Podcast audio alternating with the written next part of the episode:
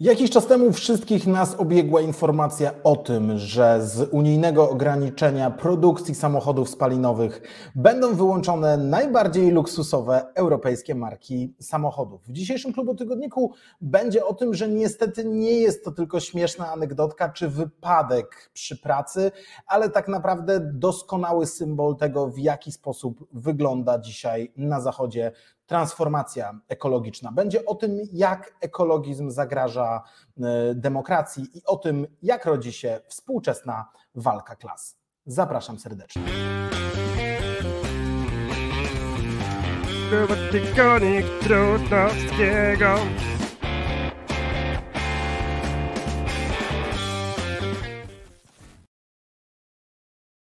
Ja nazywam się Piotr Trudnowski, to jest Klubotygodnik na kanałach Klubu Jagiellońskiego na YouTube i na platformach podcastowych. Tradycyjnie zachęcam was do, do, was do subskrybowania naszych kanałów, do zostawiania łapek w górę, komentarzy, udostępniania naszych materiałów tutaj na YouTube albo ocenianie e, na platformach podcastowych, na których nas słuchacie, e, bo dzięki temu będziemy mogli docierać do nowych widzów. Dzisiaj temat, którym kilkukrotnie już się zajmowałem, nawet kilka tygodni temu miałem odcinek dotyczący tego, w jaki sposób E, prawica podchodzi do ekologii, do wyzwania ochrony środowiska.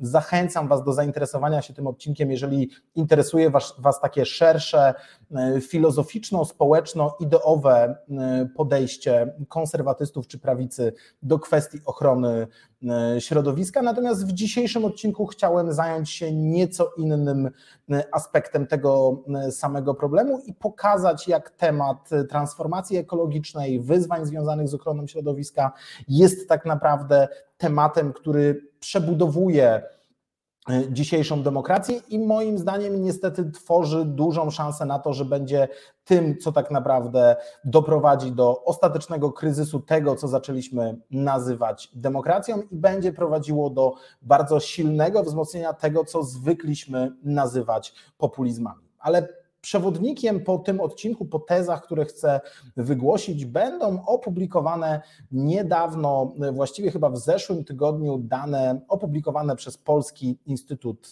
Ekonomiczny. Polski Instytut Ekonomiczny to państwowy think tank zajmujący się analityką gospodarczą, analityką ekonomiczną, pracujący niejako pod premierem rządu, który regularnie wydaje swoje różnego rodzaju raporty, analizy, wydaje również taki tygodnik, przegląd ciekawych informacji danych gospodarczych. No i w jednym z ostatnich wydań tego E, tygodnika znalazła się taka bardzo ciekawa tabela, której ja wcześniej nie widziałem. To dane pokazujące przeciętny ślad węglowy w poszczególnych grupach według wielkości emisji w tonach CO2 na osobę według wybranych państw w 2019 roku. Spójrzcie tylko krótko na ten mm, wykres. Oczywiście osoby, które nas słuchają na podcastach, zachęcam do tego, żeby mm, akurat wykresy sobie mm, obejrzeć. Widzicie tutaj Polskę, widzicie średnią emisji, widzicie o ile mniejsze są emisje po Polski od e, takich państw jak Stany Zjednoczone, jak Australia, jak e, e, Kanada, ale to, co najciekawsze, to rozkład emisji pomiędzy poszczególnymi grupami społeczeństwa. Mamy tutaj średnią populację, populacji górne 1%, górne 10% i dolne 50%. Nie widać tego może tutaj zbyt dobrze, więc ja przygotowałem takie wykresy, na których dużo łatwiej będzie to omówić, e, zainspirowany e, Polskim Instytutem Ekonomicznym i danymi, które one, oni znaleźli, postanowiłem się przyjrzeć temu bliżej, po, pokazać te dane w bardziej czytelny sposób i wyciągnąć jeszcze trochę danych, których e, w tym krótkim omówieniu zabrakło z tego samego źródła, o którym opowiem za chwilę. Spójrzcie, tak wygląda ślad węglowy na głowę według wielkości emisji w Polsce w 2019 roku. Dolne 50% to 50% mm, gorzej zarabiających w Polsce. E, górne 10% to 10% y, najbogatszych, górny 1% to oczywiście 1% najbogatszych Polaków. Jak widzicie, te różnice są naprawdę uderzające. Na głowę y, osoby z dolnej połowy polskiego społeczeństwa emitują 5 razy mniej y, CO2 niż emitują osoby z, górnego, z górnych 10% i uwaga, 18 razy mniej niż osoby z górnego 1%. Tak to wygląda. E, można by powiedzieć, cóż, e, może tak jest, że te osoby, które są mniej zamożne, rzeczywiście mniej emitują, ale przecież jest ich dużo więcej, więc to na ich postawy powinniśmy wpływać wtedy, kiedy e, próbujemy zachęcać do postaw ekologicznych, kiedy próbujemy mobilizować do tego, żebyśmy wszyscy zmienili nasz styl życia na bardziej sprzyjający naszej planecie, no bo jednak wiadomo, że jest tak, że oddziaływanie na większą grupę co do zasady ma większy skutek niż na e, tą mniejszą, nawet jeżeli potencjał e, wygenerowania w nich jakichś postaw jest e, większy, bo mają co redukować. No ale jeżeli przyjrzymy się tym danym w przeliczeniu na obywateli, ja to zrobiłem, te kolejne wykresy to już mój autorski wkład na podstawie tych danych, które, pokazało Polski, które pokazał Polski Instytut Ekonomiczny. Jeżeli się temu przyjrzymy, to okazuje się, że w 2019 roku te 10% najbogatszych w sumie łącznie wyemitowało więcej niż 50% dolnej części polskiego społeczeństwa, czyli wpływ na postawy 10% najbogatszych na środowisko jest większy niż dolnych 50%. Nie jest to wielka różnica, ale jak widać, e, mm, no, co najmniej te dwie nieporównywalne liczebnie grupy mają taki sam wpływ na środowisko. To, co najciekawsze w tych danych, które udało się znaleźć, to moim zdaniem dane dotyczące tego, e, w jaki sposób e, te emisje zmieniały się w czasie. Możemy znaleźć dane, które pokazują porównanie na przykład emisji, sumy emisji w Polsce w 1990 roku i w roku 2019. Okazuje się, że przez te 30 lat udało się Polsce zredukować emisję z 407 milionów ton CO2 do 320 milionów, czyli jest to redukcja o 21%. Oczywiście zmieniała się gospodarka, odchodziliśmy od bardzo nieekologicznej, bardzo energochłonnej, przestarzałej, postkomunistycznej gospodarki na e, dużo bardziej nowoczesne rozwiązania. Zaczął się w pewnym momencie również dyskurs ekologiczny, w związku z czym e, zaczęliśmy wprowadzać różnego rodzaju ograniczenia, troszczyć się o to środowisko. Na pewno pod kątem środowiska gospodarka PRL-owska była gospodarką rabunkową, żerującą na e, środowisku. Pomimo rozwoju gospodarczego, sumę emisji udało się zredukować i te, z tego powinniśmy się cieszyć, z tego powinniśmy być zadowoleni. Ale niezwykle ciekawe jest to, kiedy przyjrzymy się tak naprawdę, gdzie doszło do e, tej redukcji, bo tutaj dane, szczerze mówiąc, mnie naprawdę zaskoczyły. Jak widzicie, Nieporównywalne są te y, wykresy, jeśli chodzi o ich wielkość, jeśli chodzi o ich wpływ, ale widać dobrze trend i możemy to też opowiedzieć przez perspektywę procentów. Okazuje się, że to, że osiągnęliśmy redukcję w największym stopniu jest zasługą biednej, biedniejszej części polskiego społeczeństwa. Średnia y, emisja CO2 na głowę w roku 1990 wynosiła w Polsce 7,2 dziesiąte tony, w 2019 roku 5,3 tony. Na obrazku może nie wygląda to spektakularnie, ale to redukcja o 26%, czyli większa redukcja niż ta, którą udało nam się w sumie jako polskiemu państwu, polskiej gospodarce, polskiemu społeczeństwu uzyskać. W dużym stopniu to, że udało się zredukować emisję w Polsce od 1990 roku, to w największym stopniu zasługa biedniejszej połowy polskiego społeczeństwa. Oni o ponad 1 czwartą zredukowali e, swoje emisje. Kiedy przejdziemy do górnych 10%, okazuje się, że tutaj te emisje już wzrosły, wzrosły o 35% z 20 do 27 ton. A jak wygląda nasza elita? Jak wygląda 1% najbogatszych? Otóż okazuje się, że tutaj e, te emisje uległy więcej niż podwojeniu. O 129% wzrosły emisje na głowę przedstawicieli górnego 1% polskiego społeczeństwa. Co z tego wynika? Otóż wynika z tego to, że przez 30 lat dokonaliśmy redukcji emisji, doprowadziliśmy do tego, że jako wspólnota emitujemy mniej, ale tak naprawdę zrobili to biedniejsi, zrobili to słabsi, zrobili to ci, którzy często są oskarżani o brak zrozumienia dla wyzwania ekologicznego, o nieekologiczny tryb życia, o brak wyczucia tego duchu czasu, który każe nam dzisiaj troszczyć się przede wszystkim o środowisko, o ekologię, walczyć z globalnym ociepleniem. A tymczasem przedstawiciele elit, elit najbogatszych, górne 10% polskiego społeczeństwa i przede wszystkim górny 1% polskiego społeczeństwa. W tym samym czasie, kiedy jako wspólnota redukowaliśmy emisje, radykalnie swoje emisje zwiększał. I to jest niestety moim zdaniem kluczowy problem, jaki mamy z transformacją ekologiczną, z całym tym dyskursem dotyczącym ochrony środowiska. Być może pamiętacie, bo ja już wspominałem kilkukrotnie o tym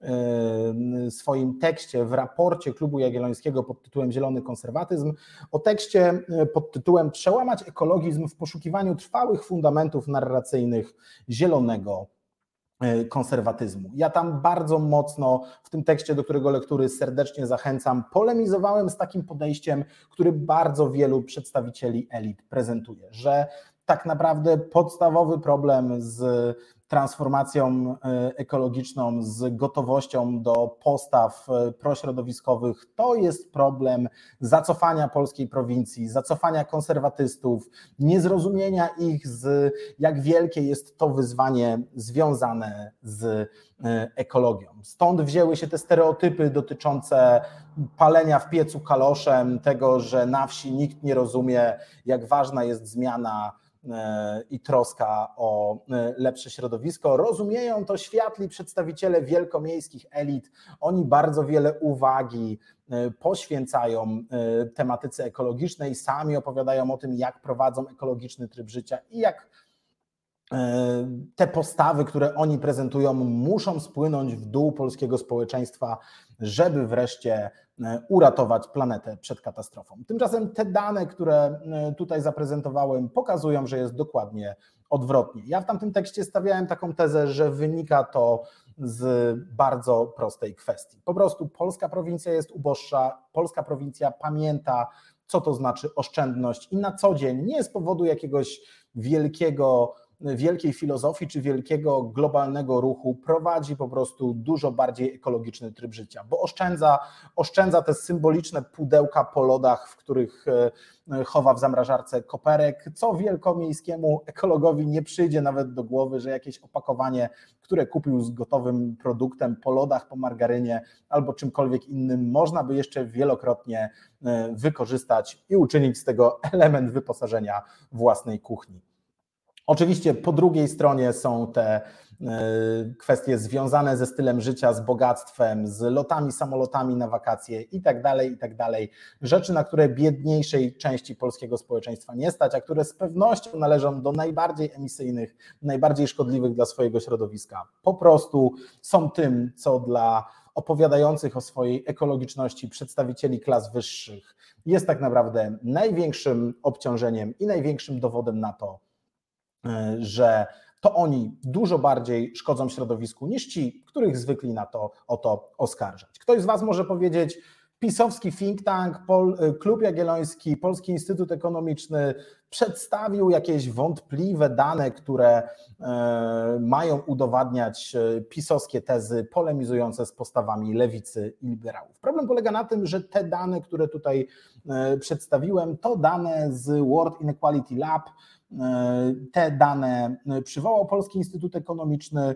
Ja wyciągnąłem na kolejnych wykresach więcej szczegółów. Bardzo polecam ich stronę internetową, bo tam fajnie działają interaktywne wykresy. Możecie sobie sami różne dane w czasie i pomiędzy państwami porównać. No i okazuje się, że źródłem tych danych jest właśnie mainstreamowa ekonomiczna organizacja związana z lewicowymi ekonomistami, e, osobami zajmującymi się właśnie nierównościami, takimi w duchu Tomasa Piketty'ego, a głównym sponsorem funkcjonowania World Inequality Lab jest e, organizacja Komisji Europejskiej, Rada do Spraw Naukowych to 30% finansowania World Inequality Lab i cały szereg renomowanych instytucji naukowych, międzynarodowych, fundacji, Y, agent Organizacji Narodów Zjednoczonych y, i tak dalej, i tak dalej. Totalny mainstream, totalnie mainstreamowe, głównonurtowe dane tak naprawdę potwierdzają tezę, która myślę, że jest dużym kłopotem dla wielu osób, które chciałyby tej prostej opowieści o tym, że ekologiczni są postępowcy w wielkich miastach, liberałowie, lewica, y, zieloni aktywiści, a polska prowincja jest głównym źródłem zanieczyszczenia środowiska, emisji y, i głównym sprawcą tego, że y, Polska nie potrafi być na tym zielonym kursie w takim tempie, do jakiego oni na co dzień nas wzywają. Dane pokazują coś zupełnie innego i sensem tamtego tekstu, który publikowałem przed bodaj dwoma laty, Przełamać ekologizm, było właśnie pokazanie, że polska prowincja zupełnie nie ma się czego wstydzić. Jeżeli martwimy się tym, że zrozumienie dla postaw ekologicznych czy wyzwań, wyzwań związanych z transformacją energetyczną wśród konserwatystów na prowincji, wśród wyborców PiSu nie jest tak duże jak w wielkich miastach, to nie powinniśmy ich zawstydzać i mówić, że oni są czemukolwiek winni, tylko wprost przeciwnie, powiedzieć im, to wy żyjecie ekologicznie, to wy macie pełne prawo do tego, żeby tą tematyką się zajmować. I tak naprawdę powinniście zrozumieć, że to, czego dzisiaj chce świat, to to, żeby więcej ludzi żyło tak jak wy, żeby te wielkomiejskie wielkomiejskie bubki zrozumiały, że wasze podejście do środowiska jest dużo bardziej pozytywne i to wy powinniście być na nie, dla nich wzorem, bo takie docenienie, taka postawa tak naprawdę mogłaby być e, źródłem zrozumienia wyzwań i tak naprawdę społecznej, politycznej akceptacji do różnego rodzaju problemów e, i transformacji i reform, które będą w kolejnych latach niezbędne. Problem polega na tym, że dzisiaj idzie to w zupełnie inną stronę i tak naprawdę myślę, że w dłuższej perspektywie należy spodziewać się dużego, demokratycznego, populistycznego, ludowego buntu przeciwko temu, w jaki sposób prowadzona jest transformacja energetyczna. No bo nie da się ukryć, że cały szereg rozwiązań, które są promowane na tych międzynarodowych konferencjach, forach klimatycznych, gdzie przyjeżdżają politycy, lobbyści, przylatują tam od, prywatnymi odrzutowcami, wydają miliony dolarów na luksusowe jedzenie i luksusowe formy spędzania czasu, żeby rozmawiać o tym, w jaki sposób uratować planetę.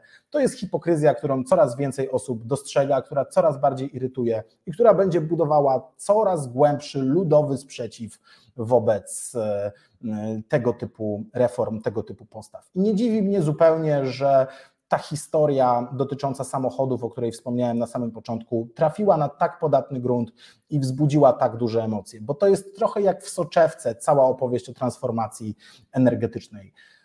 Biednym, ubogim ludziom odbierzemy stare samochody, odbierzemy stare diesle, będziemy mówili, że mają się przerzucić na droższe samochody, że mają więcej płacić za e, transport, chociaż tego transportu potrzebują dużo bardziej niż bogaci mieszkańcy wielkich miast. A jednocześnie, jeśli chodzi o tych najbogatszych, tych, którzy mogą jeździć Lamborghini, Ferrari albo Bugatti, no to powiedzmy sobie szczerze, jest ich na tyle mało, że te silniki spalinowe w tych pojedynczych samochodach to tak naprawdę nikomu nie szkodzą. Tak wygląda cały ten kłopot, że najbogatsi próbują przeprowadzić transformację energetyczną kosztem najuboższych i wywołać taką sytuację, w której to bardzo wielu uboższych poniesie rozproszony koszt w taki sposób, żeby wielkie korporacje, wielkie firmy, ludzie, którzy korzystają z wielkiego e, kapitału i są światową elitą, nie musieli zmieniać swojego stylu życia. Jeżeli zastanawiacie się nad tym, tak jak ja się często zastanawiam, dlaczego w ostatnich latach przy okazji pandemii e, pojawiły się takie wielkie negatywne emocje związane z Klausem Schwabem, z Światowym Forum Ekonomicznym w Davos. Dlaczego taką popularność e, zebrały te wszystkie narracje o wielkim resecie, odbieraniu własności, jedzeniu robali i tym wszystkim, co jakąś część e, spiskowego internetu tak bardzo rozpala? To niestety dlatego, że jak w każdej teorii spiskowej, jak w każdej teorii która próbuje w uproszczony sposób wytłumaczyć świat, jest niestety całkiem sporo, całkiem spore ziarno prawdy. Ziarno prawdy polegające na tym, że rzeczywiście e, cały ten system jest ułożony tak, żeby to biedniejszych dotknęło bardziej, a najbogatsi mogli żyć tak, jak żyli dotychczas. To moim zdaniem kłopot, który na dłuższą metę będzie wielkim wyzwaniem politycznym największych, e, najbliższych e, dziesięcioleci. No bo tak naprawdę mamy przed sobą trzy wielkie wyzwania. Z jednej strony chcielibyśmy zachować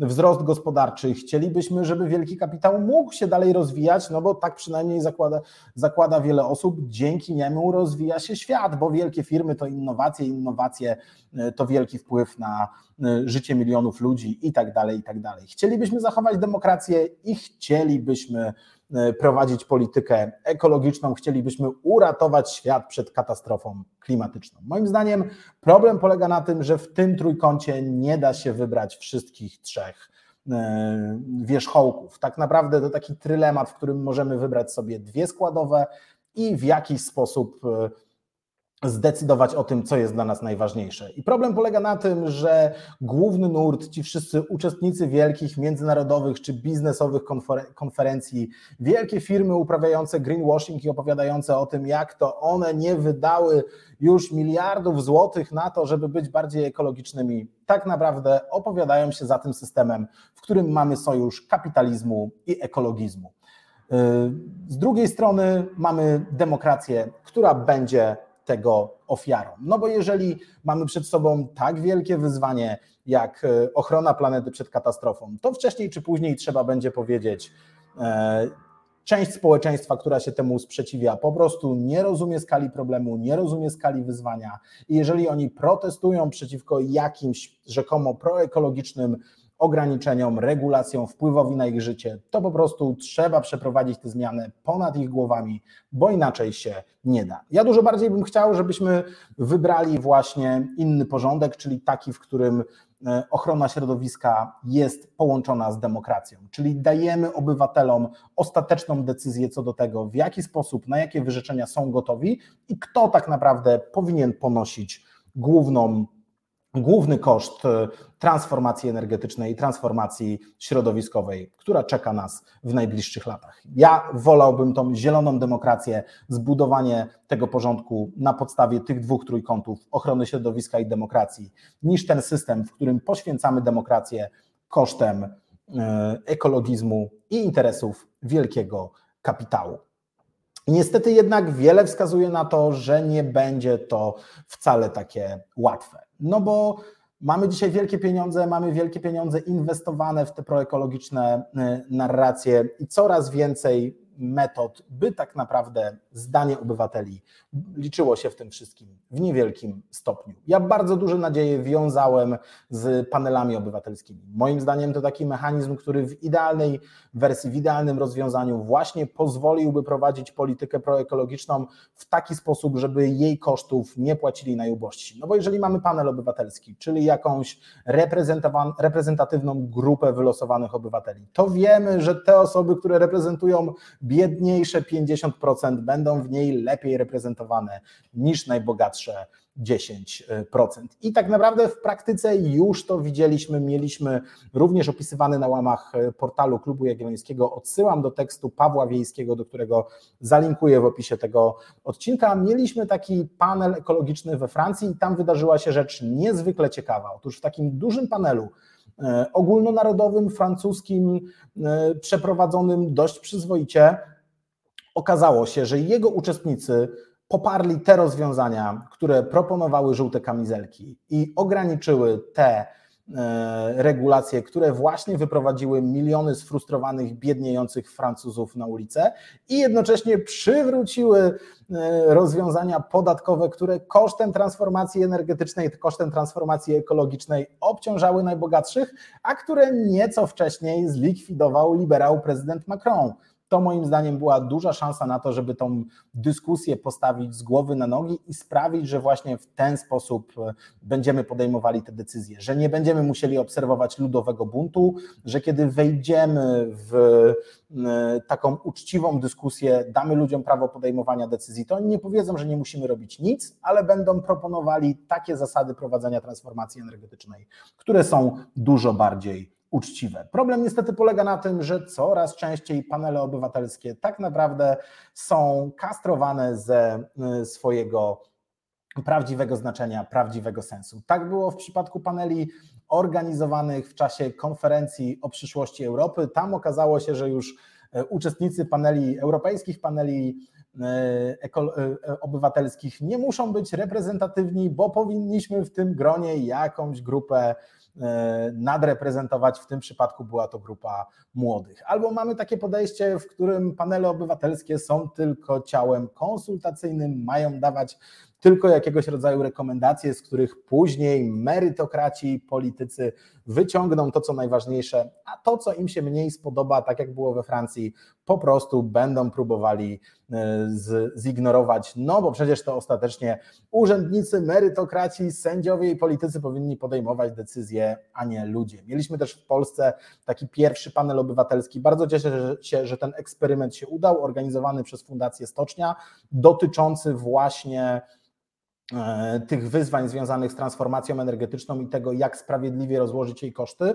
I w teorii bardzo się cieszyłem z tego, że to się odbyło. Dobrze, że ten eksperyment e, był. Natomiast zaniepokoiły mnie w całym tym procesie dwie rzeczy. Pierwsza jest taka, że chociaż było to nazwane panelem obywatelskim i tak naprawdę ci, którzy popularyzują konsekwentnie od lat panele obywatelskie, mówią, panele obywatelskie mają sens wtedy, kiedy są ciałem decyzyjnym. To chociaż zapraszano tam polityków, chociaż politycy wszystkich partii przyjęli te zaproszenia, uczestniczyli w prezentacji wyników, to wszyscy traktowali to tylko jako taką nową metodę partycypacji, jakiegoś rodzaju ciało konsultacyjne i nikt nie miał odwagi, żeby powiedzieć, powinniśmy w ten sposób podejmować decyzje, a nie tylko prowadzić dialog, który nie do końca wiadomo, do czego ma prowadzić. No i w konsekwencji już część polityków, taka jak Szymon Hołownia, zaczęła mówić o tym, że potrzebujemy w Polsce na przykład Senatu Obywatelskiego, który też będzie ciałem konsultacyjnym, będzie ciałem partycypacyjnym a kompletnie nie o to chodzi w panelach obywatelskich. W panelach obywatelskich chodzi o to, żeby umówić się, że jeżeli robimy taki eksperyment i próbujemy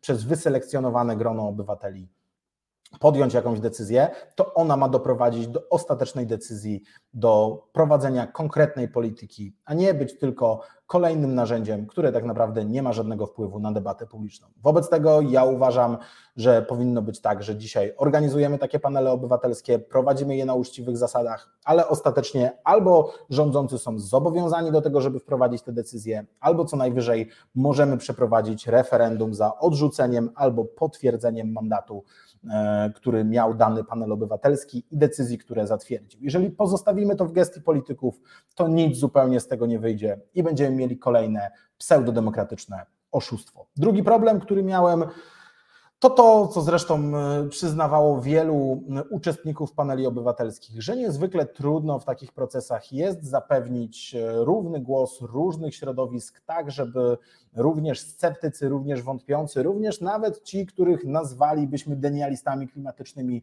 mieli prawo przedstawić swoje poglądy, skonfrontować się z pytaniami sali, udzielić komentarzy i tak powinno być zarówno po stronie interesariuszy, czyli ludzi, którzy chcą przekonać E, panel obywatelski do swoich postaw, jak i wśród ekspertów. Tymczasem niestety uczestnicy tego całego procesu w większości prezentowali jeden sposób myślenia, jedno zdecydowanie mainstreamowe podejście do zagadnień ekologicznych. Symptomatyczny na podsumowaniu panelu obywatelskiego dotyczącego transformacji energetycznej organizowanym przez Stocznie było wystąpienie pana z Europejskiej Fundacji Klimatycznej. Wyszedł i powiedział, że jego instytucja, co prawda, nie jest pan, partnerem tego panelu obywatelskiego, ale kiedy patrzy na listę chyba 20 organizacji, które były partnerami tego panelu obywatelskiego, to może powiedzieć, że zdecydowana większość z tych organizacji są partnerami jego fundacji. No i niestety, z jednej strony, w teorii, w deklaracjach mamy pluralizm, a w praktyce okazuje się, że pomimo wielu różnych logotypów, wielu różnych formalnie różnie nazywających się środowisk. W praktyce to przedstawiciele tego samego nurtu, finansowani z tych samych źródeł i finansowani przez to samo środowisko. I niestety nie są to e, instytucje, nie są to środowiska, które są skoncentrowane na tym, żeby rzeczywiście położyć ciężar transformacji energetycznej tam, gdzie należy, czyli po stronie najbogatszych kapitału, tylko raczej martwią się tym, że zrozumienie dla problemu ekologicznego jest tak niewielkie wśród konserwatystów i na polskiej prowincji i tam chcieliby nieść kaganek oświaty. Problem polega na tym, że my nie potrzebujemy kaganka oświaty wśród tych, którzy koszty transformacji energetycznej już przez ostatnie lat 30 e, ponieśli, tylko potrzebujemy konkretnych rozwiązań, które ograniczą emisję tych, którzy emitują najwięcej,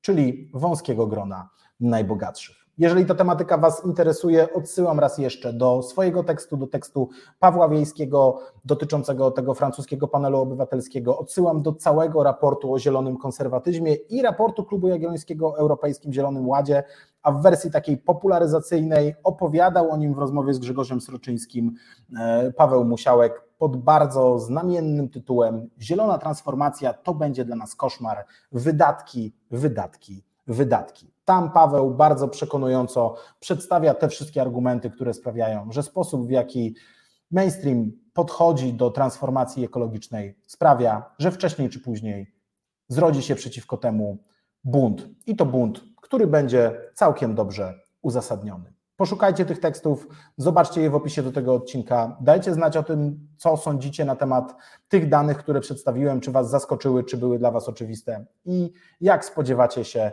demokracja i zachodnie społeczeństwa będą radziły sobie z wyzwaniem ekologicznej transformacji. Do zobaczenia i do usłyszenia.